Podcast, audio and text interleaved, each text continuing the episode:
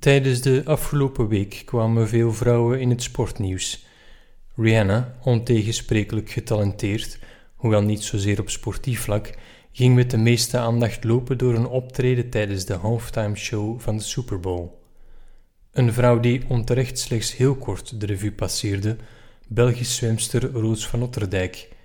Niet verbazingwekkend dat iemand met zo'n naam zich als een vis in het water voelt. En Van Otterdijk blijkt niet de eerste de beste vis, maar het neusje van de zalm. Op de Open Vlaamse kampioenschappen die afgelopen weekend plaatsvonden, brak ze maar liefst negen Belgische records. Het is onbegrijpelijk dat ze niet meer aandacht kreeg. Om ook internationaal potten te breken, zal de otter nog iets vlotter door het water moeten schieten. Ze is evenwel nog maar 18, dus groeimarge zit er nog in. Als ze verder professionaliseert, komt er misschien wel iets moois bovendrijven op de Olympische Spelen in Parijs in de zomer van 2024.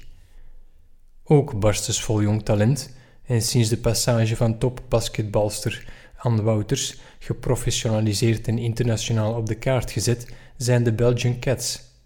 Het basketbalteam plaatste zich als groepswinnaar voor het Europees kampioenschap.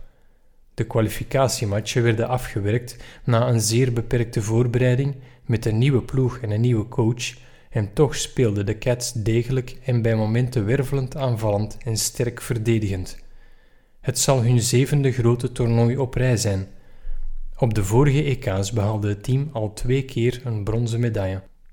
De meeste basketbalspeelsters spelen in buitenlandse competities.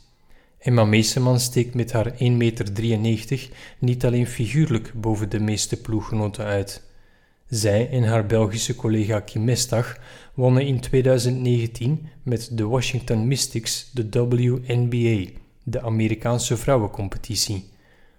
Meeseman werd bovendien in de finale van dat kampioenschap als eerste Europese speelster uitgeroepen tot MPV, Most Valuable Player. De omstandigheden tijdens de kwalificatiematch in en tegen Duitsland deden vermoeden dat de Belgian Cats speelden in een café-toernooitje. De Cats speelden in Wolfsbüttel, een gehucht bij Salzgitter, een stadje op zo'n 65 kilometer van Hannover. In die achterafplek staat een turnenzaaltje. Het publiek zat op elkaar gepakt rond het speelveld en de speelsters kregen stoeltjes die eruit zagen alsof ze kort voordien uit de kantine waren gesleurd. Ze zaten zo dicht bij de toeschouwers dat die hen moeiteloos in de nek konden kittelen. Van een hete adem in je nek gesproken. De coach pepte zijn poulains op. Kleine zaal, kleine kleedkamer, grootse overwinning. Hij kreeg gelijk, maar dat mag niet tot tevredenheid stemmen. Vergelijk het even hiermee. De Rode Duivels, die een thuismatch tegen Les Bleus, de Franse nationale ploeg, spelen op het terrein van derde provincialer SK Wachtebeke. Leuk voor de Instagram-pagina van SK Wachtebeke, maar ondenkbaar op dat niveau. Als het over vrouwensport gaat, kan het blijkbaar wel.